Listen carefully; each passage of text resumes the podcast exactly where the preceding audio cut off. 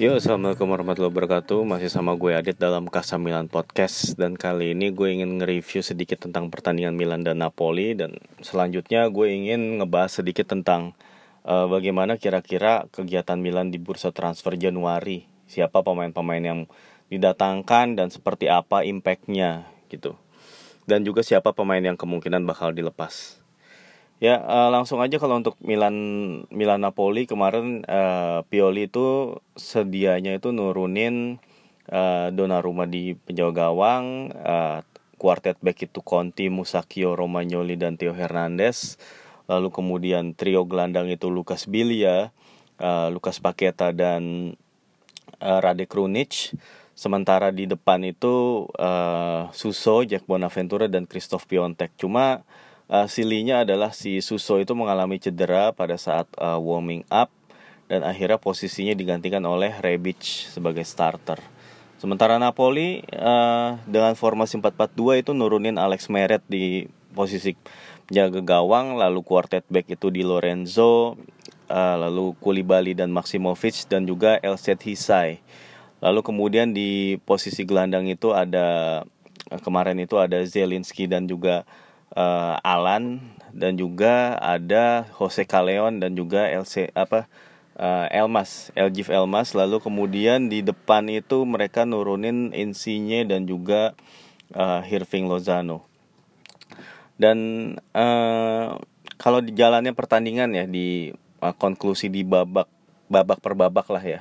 Babak pertama Milan lebih dominan ya, tapi meskipun demikian Napoli yang bikin gol duluan. Itu pun lewat uh, individual brilliance da dari si Insigne. Jadi Insigne itu dapat bola muntah hasil hasil clearance yang nggak sempurna berhasil dikontrol lalu kemudian uh, si Insigne ngelepas tembakan tembakan membentur mistar gawang dan bola rebound dihajar dengan baik oleh si uh, Lozano ya dia bisa ngarahin bola ke tiang deket uh, sementara Donnarumma udah terlanjur nutup gawang di uh, ke tengah dan itu kencang banget dan itu sulit sebenarnya. Nggak gampang bikin finishing kayak gitu dan keren banget lah emang lo, uh, Lozano itu. Tapi kemudian Milan juga harus diakui lebih banyak bikin peluang ya. Yang salah satunya itu jadi gol dari Jack Bonaventura. Itu gol yang sangat cantik hasil build up yang simple dari belakang. Yaitu Theo Hernandez akselerasinya kencang banget. Ngoper ke Krunic Krunic ngasih simple passing ke Bonaventura. Bonaventura langsung hajar ke pojok atas gawang sebelah kanan dan itu kenceng banget screamer dan nggak nggak terjangkau sama sekali oleh Alex Meret dan itu gol pertamanya Jack Bonaventura musim ini dan pertama kalinya juga Bonaventura jadi starter Nah, ini ada blessing in disguise juga sebenarnya ya kalau soal Jack uh, nanti juga akan gue bahas di uh, talking point selanjutnya. Tapi kalau dari sisi pertandingan itu Milan lebih banyak ngasilin peluang di babak pertama. Kita lihat uh, performa dari Krunic itu makin menyatu dengan uh, lini tengah Milan, makin vital perannya menurut gue. Uh, kemampuan passingnya bagus, dribblingnya bagus, visi-visinya juga mulai kelihatan. Ada satu umpan umpan matang dia sebenarnya ke Rebic. Uh, uh, sayangnya sundulan Rebic itu masih uh, nyamping padahal itu udah di depan gawang tapi itu uh, menurut gue ya sayang juga sih padahal ini Rebic juga ada kesempatan yang nggak terduga buat dia jadi starter gitu. Cuman dia kayaknya juga rada bermasalah sama dengkulnya gitu sama lututnya. Dia kelihatan banget megangin lutut terus. Kelihatannya ada cedera lah gue nggak ngerti cedera apaan. Mudah-mudahan nggak parah. Dan komentar gue tentang penampilan Rebic ya sebenarnya gelandang ini atau nggak pemenyang apa penyerang sayap ini cukup rajin ya. Dia adalah penyerang yang tipe pemain sayap yang apa bisa dibilang pekerja keras uh, banyak lari uh, sangat fisikal mainnya. Nggak skillful tapi fisikal banget. Dan dia banyak banget ngebantu fase bertahan. Dalam hal dia apa namanya banyak uh, ngasih cover ke si Conti dan juga dalam hal pressing pressing gamenya Milan dia cukup berguna. Beberapa kali gue lihat dia berhasil ngerebut bola atau ngintercept dia punya kemampuan defense yang jauh lebih baik daripada Suso lah walaupun kemampuan nyerangnya perlu diasah ya. Ada beberapa sih yang dia cukup baik um, setelah melakukan penetrasi dan umpan silang itu pernah ada beberapa bola yang nyaris digapai oleh si Bonaventura atau Christoph Piontek ya. Ada beberapa umpan-umpan dia lah dia beberapa kali creating chances sebenarnya. Cuman ya tadi karena dia agak-agak bermasalah sama lututnya jadi dia jadi kayak kelihatan agak shaky gitu. Pas lagi nerima passing lah ngontrol bola lah gitu. Jadi kayak agak terganggu permainannya kelihatan banget dan sayangnya ya itu puncaknya adalah pada saat dia lolos itu dia bisa nyun dapat bola dari Krunic uh, sundalannya itu melebar. Ya gue sih masih menantikan uh, dari Rebic sih. Artinya kalau begitu dia fit banget dia jadi starter dia mungkin bisa ngasih sesuatu lah. Gitu dia pemain ini masih punya harapan lah gitu kalau gue bilang walaupun banyak yang bilang udah dah di shipping back aja ke bulan Januari lah gitu balikin lagi gitu. Ya gue nggak tahu juga ya kalau ada pilihan yang lebih baik ya boleh aja diambil. Tapi kalau eh, nggak uh, ada pilihan yang lebih baik ya nggak apa-apa nggak ada masalah. Ngekip dia sampai paling nggak sampai akhir musim dievaluasi dulu ya. Gitu karena dia juga bisa jadi tambahan tenaga yang berarti dengan kemampuan apa per permainannya yang Spartan gitu. Walaupun agak-agak mungkin bermasalah dia agak-agak overweight ya. Kemarin ada isu dia tuh overweight atau kelebihan berat badan. Nah ini juga menjadi tanda tanya ya. Apa terlalu enak makanan di Italia kali ya? Makan pasta mulu. Di Jerman mungkin bosen makan makan makanan sana gitu. Kalau di Italia ya lu tahu sendiri makanannya kayak gitulah. Dan ya itu jadi masalah juga buat dia dan dia harus nurunin berat badan dulu gua rasa terus habis itu dia harus nyembuhin cederanya yang ini supaya dia bisa uh, berkontribusi lebih baik gitu. Nah lalu tadi talking point kedua yaitu babak kedua ya. Babak kedua uh, itu pertandingan ya kelihatan banget Milan itu kekurangan daya gedor sih. Itu kelihatan banget. Uh, Christoph Piontek gak cukup dapat bola dan sekalinya dapat bola pun dia wasteful gitu. Aduh dan bagi Piontek sayang banget ya another goalless performance dari dia dan ini bahkan performa dia nggak nggak lebih baik ketimbang ketika ngadepin Juventus ya. Akhirnya dia di di bu sama si pendukungnya sendiri. Ya sayang aja sih gue uh, sebuah apa namanya pendukung klub itu menyorakin pemainnya sendiri tuh menurut gue agak-agak gimana gitu kasihan ya gimana. Terus ya Padahal kalau menurut si Pioli, Piontek itu udah kerja keras, dia udah banyak membuka ruang, banyak improvement segala macam. Ya emang sih. Cuman ya sayangnya yang karena dia striker ya dan baru-baru ini dia mengeluarkan pernyataan yang agak-agak eh, nggak uh, perlu kalau gue bilang ya. Dia bikin statement ke media bahwa uh, nanti kalau pada saat gue pindah lagi, gue pengen berharga 60 70 juta euro sampai 80 lah. Pokoknya dia kayak pede banget gitu untuk kayak dia bakal pindah nih dan ketika pindah dia akan berharga mahal. Ya maksudnya itu boleh jadi ucapan yang untuk uh, fungsinya sih untuk memotivasi diri sih kalau gue bilang lebih ke situ. Tapi apa namanya ya uh, eh, gue bilang tuh uh, ucapan kayak gitu pada saat tim itu krisis menurut gue tuh jadi kadang-kadang kayak membawa spekulasi lagi nih. Sebenarnya dia tuh gimana sih gitu dan jadinya ada kemungkinan dia bakalan dijual ke ke Genoa gitu. Jual ke Genoa. Di dipinjemin. Dipinjemin ke Genoa. Dan ini gua rasa sih ya gimana ya harus dia backward lagi gitu karirnya dia gitu. Tapi ya mau gimana lagi lah kalau emang emang situasinya kayak begini menurut gue sih menurut gue sih ini apa namanya uh, emang udah yang terbaik bagi kedua belah pihak lah. Kayaknya emang si Piontek ini nggak apa ya gue nggak ngerti apakah ini kutukan nomor 9 atau ini apa gitu. Pokoknya emang ya ada yang bilang bahwa penilaian terhadap Piontek itu nggak fair karena dia nggak ngedapetin pasokan bola. Ya nggak nggak banyak ngedapetin uh, suplai bola lah gitu. Tapi ya biar bagaimanapun ternyata ya ketika dia dapat bola pun dia sering banget nyanyain gitu. Nah ini sih. Lo lihat aja peluang dia ke pas pada saat lawan Juve dan pada saat lawan Torino. Lawan Torino tuh dap, dapat banyak peluang matang dan dia nggak nggak bisa ngegolin lebih dari satu gitu. Dan itu bikin Milan kalah. Anyway ya ya kita tunggu aja keputusan dari manajemen dan bagaimana Piontek sendiri menyikapi uh, problem ini. Semoga dia balik lagi lah ke ketajamannya dia gitu. Dan balik lagi tadi ya karena Milan kekurangan uh, kekurangan pemain yang bisa ngegantiin ya.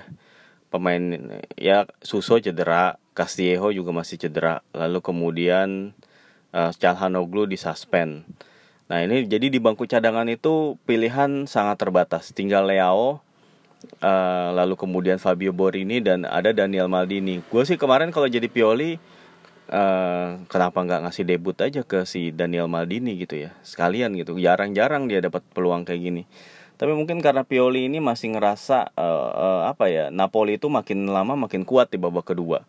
Dan iya benar uh, di babak kedua Napoli karena ketekanan dari Milan itu berkurang, mereka jadi kayak ambil alih inisiatif permainan gitu. Dan sampai menit-menit akhir pertandingan Napoli akhirnya bisa ngasilin lebih banyak peluang. Ada beberapa tendangan pemain-pemain Napoli itu yang uh, on target ya seperti tendangannya si Alan atau ada beberapa peluang yang bagus dari Insigne yang tendangannya masih nyamping juga Lozano dan akhirnya di babak kedua Napoli lebih banyak megang kendali dan creating chances dan akhirnya kalau nggak kalau nggak karena kedisiplinan dan kecemerlangan Donnarumma itu Milan bisa aja kalah gitu. Karena Milan nyaris nggak ada nggak ngasih perlawanan di babak kedua nyaris nggak ada peluang yang bagus gitu di babak kedua ya. Clear cut chance nggak ada half chance half chances juga kayaknya nggak ada di babak kedua itu. Nggak banyak yang bisa diperbuat oleh lini depan Milan. Bener-bener kayak buntu gitu. Ya karena kurangnya kurangnya uh, apa ya kedalaman squad di lini depan tadi gitu. Dan dari situlah akhirnya uh, kita bisa lihat Milan butuh reinforcement di lini depan gitu. Uh, Lalu kemudian talking point yang kedua tadi soal eh ketiga ya berarti ya soal Jack Bonaventura. Akhirnya ini adalah blessing in disguise seperti yang tadi gue bilang kalau misalnya Hakan itu nggak disuspend mungkin Bonaventura nggak main full. Dan akhirnya kita bisa ngelihat lagi Bonaventura seperti halnya kita lihat uh, dia sebelumnya ya performa dia sebelumnya uh, yang mana dia itu adalah seorang gelandang yang cerdas ya secara taktik cerdas. Dia juga decision makingnya bagus tahu kapan harus lari kapan harus uh, ngedribble bola kapan harus ngumpan dan ngelepas tembakan. Dan dia juga punya finishing yang bagus. Sebuah apa seorang seorang gelandang yang punya kemampuan yang komplit lah di Italia seandainya dia fit terus nih sampai akhir musim dan dia punya peran gede di Milan gua rasa dia layak dapat satu spot di timnas Italia untuk Euro 2020 sih. Pemain seperti dia tuh dibutuhin ya. Karena dia punya skill dan dia punya kemampuan finishing yang sangat baik. Gitu. Dan kita benar-benar merindukan Bonaventura yang kayak begini. Dan semoga aja ini jadi dilema menyenangkan lah bagi Pioli ya. Karena uh, di saat yang sama Hakan Calhanoglu juga lagi cukup menanjak performanya. Perannya makin vital dan menurut gue ya dengan hadirnya Bona dan juga si Calhanoglu yang sama-sama mainnya bagus ini harusnya bisa dimanfaatin oleh Pioli untuk mengakomodir permainan mereka berdua lah di lapangan gitu. Supaya bisa makin banyak lagi creating chances buat Milan gitu. Lalu itu yang ketiga. Terus yang keempat pada akhirnya Milan gagal meraih kemenangan. Tapi walaupun begitu ini adalah hasil poin pertama yang didapat dari tim-tim yang lebih kuat gitu. Sebelumnya Milan kalah dari Lazio Roma Juve Inter Fiorentina. Ya emang itu lawan yang di atas kertas masih lebih kuat ya dari sisi kemampuan dari sisi squad gitu. Dari sisi, sisi kualitas squad maksudnya tim-tim itu di atas Milan. Ya dan uh, Mil ketika Milan kalah setidaknya ke, ketika lawan uh, Lazio gitu Milan udah benar-benar ngasih performance yang bagus gitu ya. Dan ini performa kayak gini bisa terus berlanjut ya. Pioli terus mem membuat Milan semakin membaik tapi emang jadwalnya sangat gak bersahabat. Dan kalau kita lihat jadwal lima pertandingan selanjutnya ini mudah-mudahan Pioli bisa lebih banyak ngedulang poin. Ketemu tiga tim Emilia Romanya yaitu Parma, Bolonya dan Sassuolo. Lalu kemudian ketemu sama satu uh, dua lagi apa ya kalau nggak salah itu Sampdoria salah satunya Sampdoria terus satu lagi tim kuat Atalanta ya Atalanta terus Sampdoria. Ya dalam dalam lima pertandingan ke depan kita lihat setid kalau setidaknya bisa uh, menangin tiga di antaranya dan imbang satu atau imbang dua itu udah bagus banget kalau gue bilang. Karena uh, tiga di antaranya itu uh, di mainnya tandang ya ketemu Parma dan Bolonya itu di di kandang lawan dan ketemu Atalanta juga di kandang lawan. Yang di kandang itu kandang sendiri itu cuman ketika ketemu Sassuolo dan Sampdoria. Ya harusnya menang lah dua itu. Nah, hitungannya ya.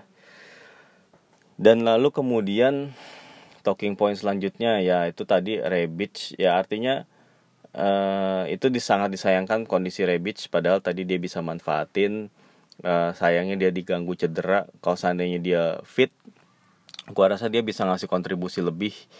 Ya dan gua harap sih ini juga jadi momentum tersendiri dari Rebic. Uh, karena uh, dia juga perlu membuktikan diri bahwa pembelian dia ataupun peminjaman loan dia selama 2 tahun itu emang tepat gitu. Kalau enggak ya balikin aja kalau emang nggak bisa berkembang lalu kemudian Krunic uh, performanya makin krusial emang dia cocok lah emang dia pembelian yang cukup baik. Gitu dia sangat technical skillful juga dia punya umpan kemampuan um, mengumpan yang baik. Itu dan gua harap dia bisa kayak terus memupuk confidence dia dia terus bisa mengamankan spot dia dan semoga dia bisa mengulangi performa dahsyatnya bersama Empoli. Gitu. Dan ya udah sih yang yang selanjutnya kemudian Conti juga udah mainnya lumayan aman, dia bisa main uh, apa walaupun kemarin banyak salah umpan ya. Ya, tapi kemampuan defensifnya makin membaik, dia bisa main aman. Dia juga bisa tahu kapan harus uh, naik gitu. Um, tepat lah dia kemampuan apa keputusan dia untuk uh, lari ke depan dan juga dia juga cepat untuk tracking back lagi itu aspek yang bagus. Kalau Theo Hernandez emang lu kalau masang Theo di situ lu kayak ngorbanin satu spot di belakang karena beberapa kali juga uh, seperti halnya lawan-lawan yang lain ya. Napoli juga manfaatin uh, celah yang ditinggalin sama si Theo Hernandez ini untuk masuk di situ gitu. Insinya berkali-kali masuk dari situ. Begitu juga Callejon dan juga si uh, siapa Lozano masuk dari situ dan uh, emang sih dengan keberadaan si Hernandez yang sering naik ya ini emang perlu di cover oleh pemain lain yang juga punya kemampuan defensif yang bagus ini. Krunic perlu sering di situ menurut gue kalau si Theo Hernandez itu naik ya. Krunic perlu melakukan cover walaupun kalau kita lihat kemarin kerjasama antara Krunic, Bonaventura dan juga Hernandez, Theo Hernandez tuh bagus banget sih ya Lalu kemudian itu dari pertandingan dan kemudian kita bicara bursa transfer nih sekarang. Ini ada beberapa nama yang dikaitin sama Milan di bursa transfer. Uh, tentunya kebanyakan adalah uh, penyerang ya. Dan untuk posisi penyerang sendiri kita gue udah dengar beberapa nama. Yang pertama adalah Ibra Ibrahimovic ya. Zlatan Ibrahimovic itu nggak asing buat Milan. Dia pernah main di Milan dan terakhir kali Ibra itu eh Ibra itu adalah pemain terakhir Milan yang ber, apa berperan sangat besar uh, dalam Scudetto terakhir yang di, diraih Milan tahun 2011. Ya, perannya vital banget. Dia Ibra itu bahkan menjadikan pemain seperti Antonio Nocerino itu jadi kayak Frank Lampard ya dan juga ngejadiin Robinho itu udah kayak siapa? Udah kayak Raheem Sterling. kayak gitu. Uh, Ibra jelas ya komentar gue tentang Ibra sedikit aja ya walaupun usianya tuh udah 38 tahun ya dan nggak bisa diharapin untuk ngebantu Milan dalam jangka panjang. Tapi ini uh, situasi Milan ini sedang genting ya dan kedatangan Ibra ini bisa dianggap bisa langsung ngasih big impact gitu. Bukan cuma impact tapi big impact. Artinya Ibra ini adalah jawaban dari kebutuhan Milan akan seorang penyerang yang haus gol, bisa nge-create kecepat apa kesempatannya sendiri dan emang punya kemampuan teknis yang mumpuni. Dia bisa jago duel, dia jago link up, uh, finishingnya bagus ya. Cuman mungkin ya karena dia udah 38 tahun ya nggak bisa diharapin main penuh terus gitu dalam satu pertandingan. Ya Ibra yang sekarang beda dengan Ibra yang kita punya uh, 9 tahun lalu ya 8 atau 9 tahun lalu.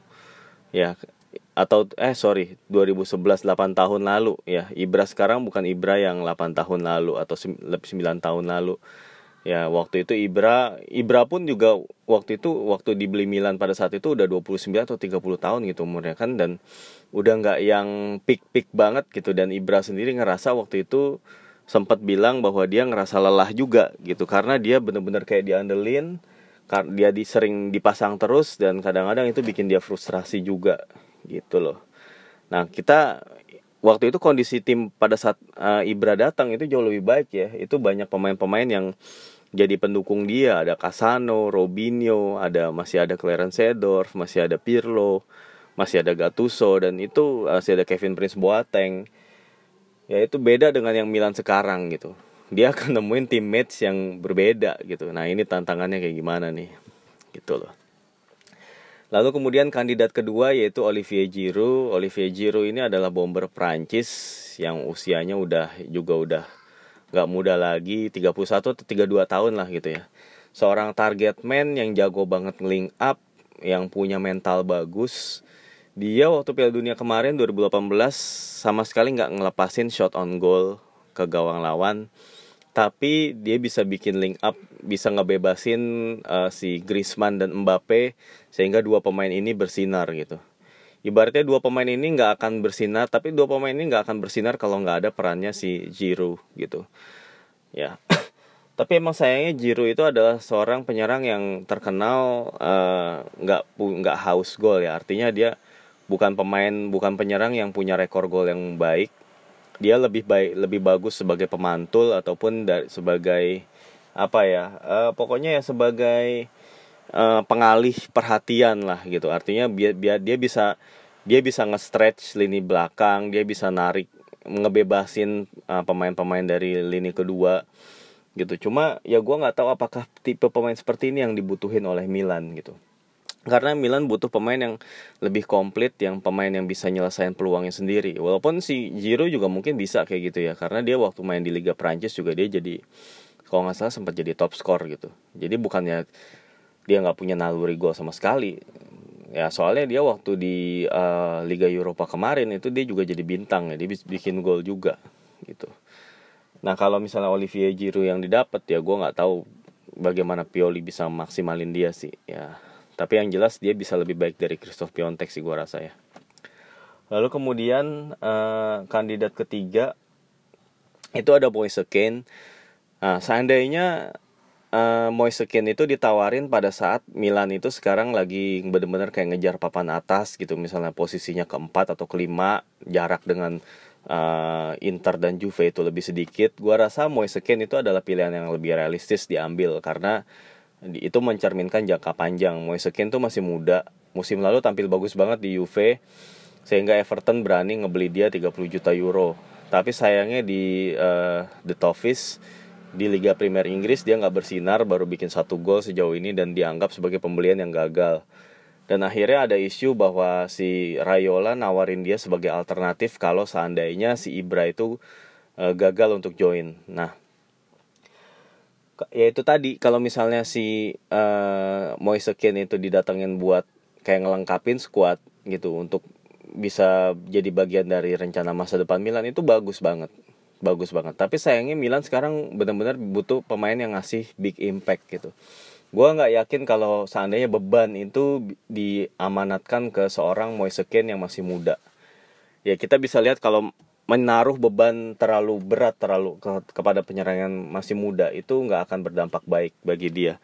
Kita lihat contohnya kayak ke Rafael Leao. Orang banyak ngeritik dia belum apa apa padahal dia masih muda. Akhirnya dia jadi belakangan ini jadi uh, kurang bisa nemuin sentuhannya. Begitu juga um, Mbak Yeniang waktu itu.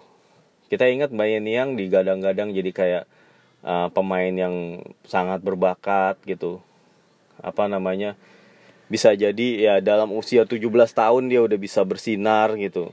Ya bisa kayak next the next year Henry lah gitu. Ya tapi sayangnya sejak dia insiden dia kena tiang pada saat di Camp Nou dia akhirnya udah kita bisa ngelihat dia jadi pemain yang wasteful banget yang apa namanya uh, pemain yang punya kemampuan gak lengkap uh, monodimensional sering banget uh, punya punya dribbling sama punya speed bagus tapi nggak nggak punya finishing dan decision making yang bagus ya dan dan sebagainya gitu.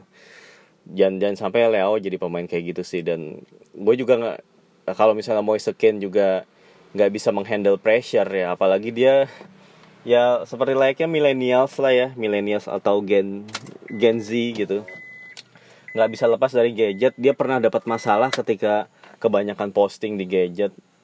Dan dia juga sering apa ya uh, pokoknya memperlihatkan perilaku nggak disiplin. Ya waktu itu sama Zaniolo dia dihukum akhirnya.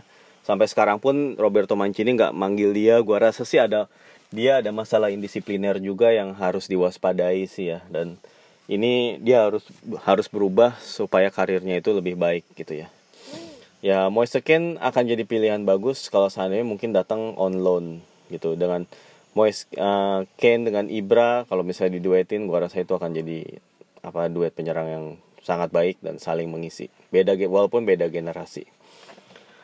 Satu lagi nama penyerang yang nggak pernah disebut media ya tapi menurut gue cukup cocok dengan Milan adalah Artem Zyuba. Buat yang nggak tahu Artem Zyuba ini adalah penyerang Rusia yang usianya kalau nggak salah udah 29 atau 30 tahun. Dia itu adalah kapten, kapten kalau nggak salah dia kapten Zenit atau kaptennya Rusia lah gitu. Pokoknya dia pernah kalau nggak salah dia tuh kapten Rusia lah. Juba ini punya postur yang tinggi gede kalau nggak salah di atas 190 cm tapi dia punya skill yang cukup mumpuni ya walaupun nggak nggak usah dibandingin sama Ibra ataupun siapa ya Dimitar Berbatov lah ya dia bukan yang bowler kayak kayak mereka tapi setidaknya Zuba ini punya mental yang bagus dia orangnya tengil rada tengil. Dia pernah ngeledek pelatih si Stanislav Cherchesov itu dengan pose kumis. Kan Cherchesov itu kumisan ya. Dia pernah ngambil foto dengan pose itu. Pokoknya tengil orangnya. Tapi di di satu sisi dia dia orang yang sangat berani mental baja. Dia nggak gua rasa dia akan tahan dengan intimidasi bentuk apa pun lah. Dari pemain-pemain dari penonton. Dia punya mental yang bagus walaupun rekor golnya itu nggak juga cukup impresif ya tapi dia punya karakter permainan yang menurut gue agak cocok dengan Milan ya.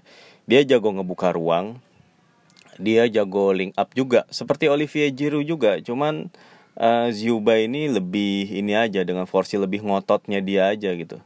Lebih ngotot dan lebih lebih Spartan mainnya. Mungkin agak-agak kayak Manjukik walaupun nggak nggak seganas atau nggak seberingas Manjukik juga sih tapi gua rasa dia bisa jadi pilihan yang bagus juga alternatif yang bagus. Apalagi kontraknya itu akan berakhir pada uh, Juni tahun depan bersama Zenit. Dan kalau misalnya Zenit nggak mau ngebiarin dia lepas uh, dengan gratis atau free transfer ya bisa jadi dia akan ngelepas si ngedengerin tawaran klub mana pun lah yang pengen menginginkan si Artem Juba ini gitu. Dan gua rasa harganya juga nggak akan terlalu mahal ya. Walaupun kalau kita lihat ada resiko juga ya resiko soal perbedaan kultur dan bahasa mungkin lebih ke situ ya. Karena si Juba ini sebelumnya nggak pernah main di luar Rusia dan kalau kita lihat juga pemain-pemain Rusia yang belakangan ini main di Eropa Barat itu nggak sesukses pendahulunya dulu gitu. Terakhir kita ngelihat pemain Rusia yang cukup sukses ya. Gue bilang cukup sukses nggak sukses banget. Itu paling Arshavin uh, selebihnya paling siapa ya? Nggak ada nggak kayak tahun 90-an itu kayak masih ada uh, si Andre Kenchelskis yang bagus di MU dan juga sempat di Fiorentina.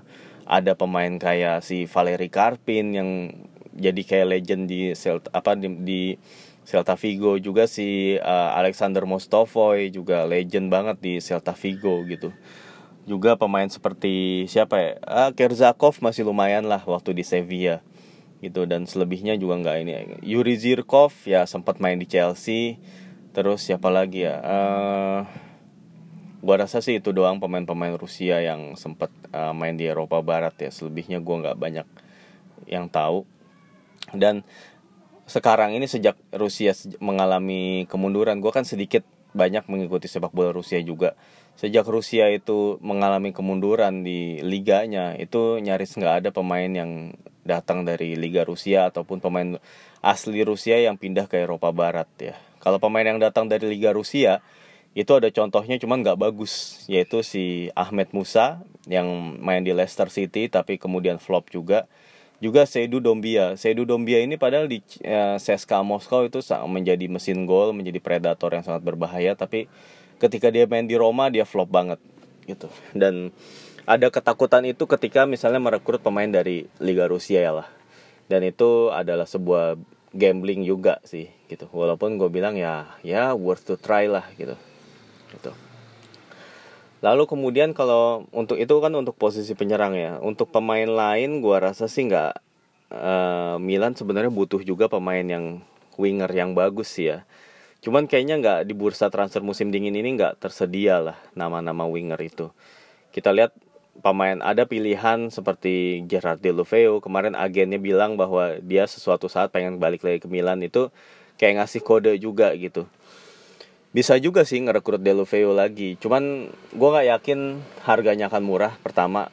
Dan yang kedua uh, Deulofeu itu tipe pemain yang kalau uh, ya ada batasnya lah. Ketika dia sempat balik lagi ke Barca uh, pada saat setelah dia memperkuat Milan dia flop banget. Dia nggak levelnya nggak mencapai itu. Dia nggak bisa main bareng Messi gitu. Ya dan ketika dia dipermanenin sama Watford itu performanya juga biasa-biasa aja gitu dan artinya kelas Milan nggak bisa ngandelin Deulofeu itu sebagai sosok pemain top tapi ya uh, tentu aja Deulofeu itu gua rasa akan lebih baik dibandingkan dengan kalau Milan benar-benar cuma ngandelin Suso sama Calhanoglu. Gitu Deulofeu akan menjadi cadangan yang baik atau jadi pilihan alternatif yang baik lah gitu. Dan gua nggak menolak sih kalau seandainya Deulofeu itu balik ke Milan ya. Lalu kemudian paling ya Everton Suarez. Itu tapi kayaknya cuma mimpi ya. Itu agak-agak sulit karena pertama harganya mahal dan gajinya juga pasti gede. Dan gua rasa Elliot nggak akan mau invest semahal itu untuk si Everton. Apalagi kalau misalnya Milan pengen minjem gua rasa sih itu nggak berlaku buat klub Brazil. Karena klub-klub klub Brazil itu rata-rata kalau ada pemainnya pemainnya diminatin oleh klub dari Eropa mereka nggak ngelepas dengan situ uh, skema pinjaman tapi dengan skema pembelian permanen penjualan permanen maksudnya. Gitu dan kita juga tahu di Brazil uh, pemain-pemainnya itu selalu atau nggak selalu sih banyak banget yang kepemilikannya itu di share dengan pihak ketiga seperti perusahaan gitu ya. Seperti halnya kasus dari Carlos Tevez dan juga Javier Mascherano zaman dulu gitu ini uh, kepemilikan pihak ketiga masih berlaku di Brazil kalau apa itu kepemilikan pihak ketiga dan gimana impactnya implikasinya mungkin lain kali bisa gue jelasin tapi yang jelas uh, Everton ini bisa jadi dimiliki pihak ketiga juga yang mana ini akan menambah uh, apa ya menambah kesulitan lah bagi kepindahan si Everton Suarez ini ke Milan gitu. Lalu ya uh, selanjutnya gua rasa lini yang perlu dibenahi adalah lini tengah tentunya. Milan butuh pemain yang bisa create, bisa punya leadership dan itu adanya di pemain-pemain senior. Di sini kita membicarakan tentang sosok Ivan Rakitic tentunya yang paling terdepan dan juga ada Luka Modric. Tapi gua rasa uh, Modric itu kemahalan dan Rakitic itu uh, agak-agak sulit karena permintaan gaji selain permintaan gajinya tinggi juga banyak peminat lain gitu.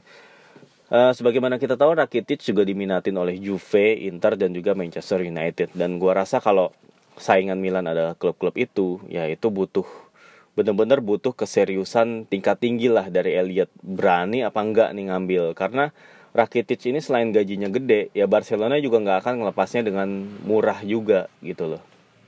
Ya minimal 35 juta ah 35 juta euro keluar plus gaji 8 juta euro. Dan ini adalah kalau buat ukurannya Milan ini adalah investment yang sangat gede. Apalagi Rakitic ini udah pemain yang udah tiga, di atas 30 tahun dan paling cuman bisa main bagus dua atau tiga musim yang mana Elliot pasti akan lebih ngelihat untung ruginya juga nih. Kalau misalnya ngontrak pemain seperti ini uh, dengan nilai kontrak yang tinggi dan biaya transfer yang mahal. Nah, lalu selanjutnya ada uh, kandidat kandidat lain adalah Granit Xhaka dan juga Lucas Torreira, dua pemain Arsenal yang sedang mengalami masa-masa yang kurang menyenangkan. Si Lucas Torreira dari awal musim udah menyatakan keinginannya untuk balik lagi ke Italia ya tapi sayangnya waktu itu Arsenal bener-bener magerin dia dan akhirnya Milan mundur. Ya dan sekarang bisa jadi harusnya kalau Milan emang serius sama Torreira bisa jadi Januari ini adalah waktu yang pas buat ngegedor lagi pintu eh, direksi Arsenal buat ngelepas gitu. Apalagi Gazidis punya uh, history di Arsenal harusnya kalau emang bener-bener manajemen itu nginginin si Lucas Torreira ya ini saat yang tepat juga gitu. Atau kalau emang terlalu mahal ya mau nggak mau ya tunggu aja sampai akhir musim gitu. Lalu kalau Granit Xhaka Granit Xhaka ini uh, kapten Arsenal tapi sangat-sangat bermasalah di Arsenal ya. Dia performanya nggak bagus uh, mendukung itu juga nggak nggak suka sama dia terakhir kali ya berita yang jelek berita miring yang kita dengar yang bahkan ada videonya ya ketika dia ditarik keluar dia nunjukin sikap yang sangat sangat disrespectful. Dia kayak seolah nantangin uh, nantangin penonton ngebuang ban kapten terus langsung langsung uh, apa namanya si plus pelatihnya itu nyalamin dia dia tuh dia tuh nolak dan kemudian dia langsung uh, jalan lurus ke ruang ganti. Nggak nggak nyaksiin pertandingan gitu. Nggak nyaksiin sisa pertandingan maksudnya. Ini tentunya sikap yang nggak baik sih yang ditunjukin oleh seorang kapten. Apalagi dia juga seorang pemain internasional. Apalagi dia juga gajinya gede gitu.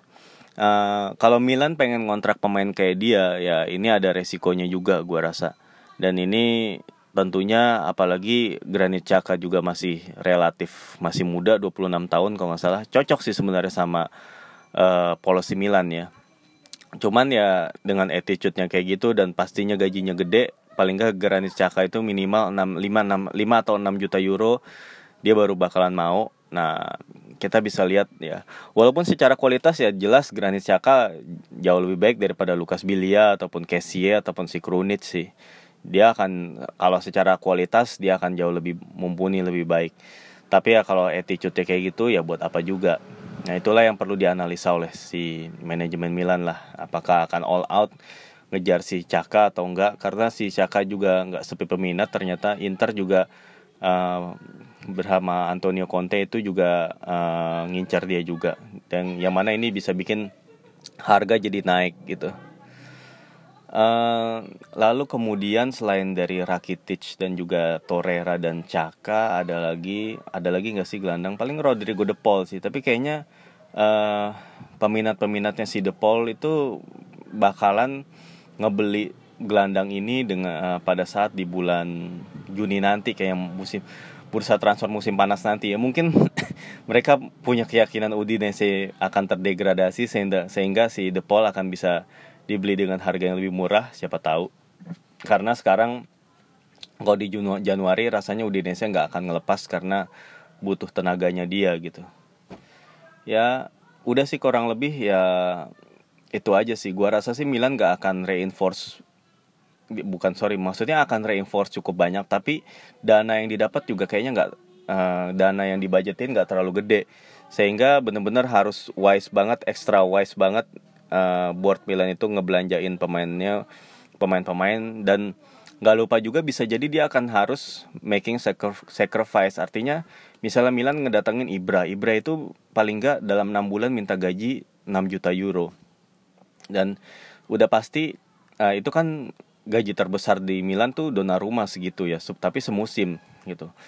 Yang pastinya uh, Milan akan butuh banyak pengorbanan. Bisa jadi mereka akan ngejual Frank bisa jadi akan ngejual Ricardo Rodriguez juga yang menuntut waktu bermain lebih banyak.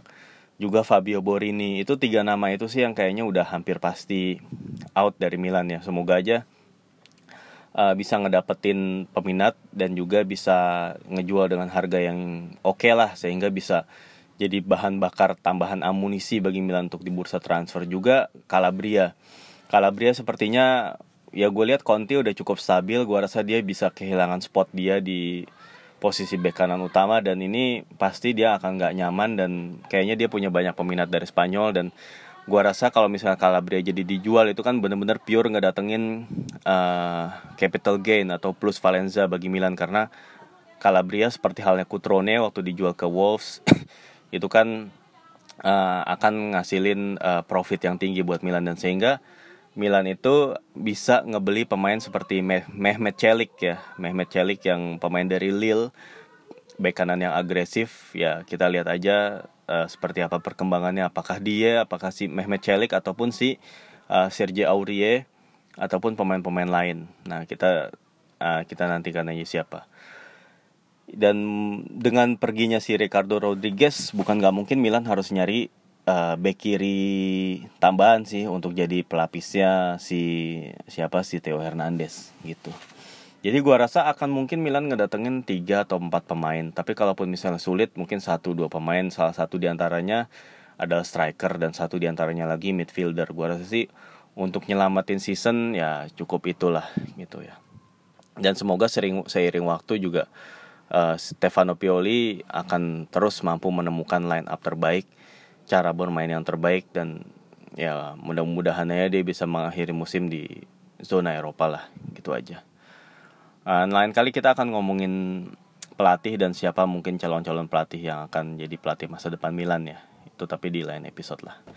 Ya udahlah untuk sekarang uh, kurang lebihnya itu aja. Mohon maaf atas segala kekurangan dan uh, terima kasih banget udah ngedengerin Kasamilan podcast ya. Wassalamualaikum warahmatullahi wabarakatuh.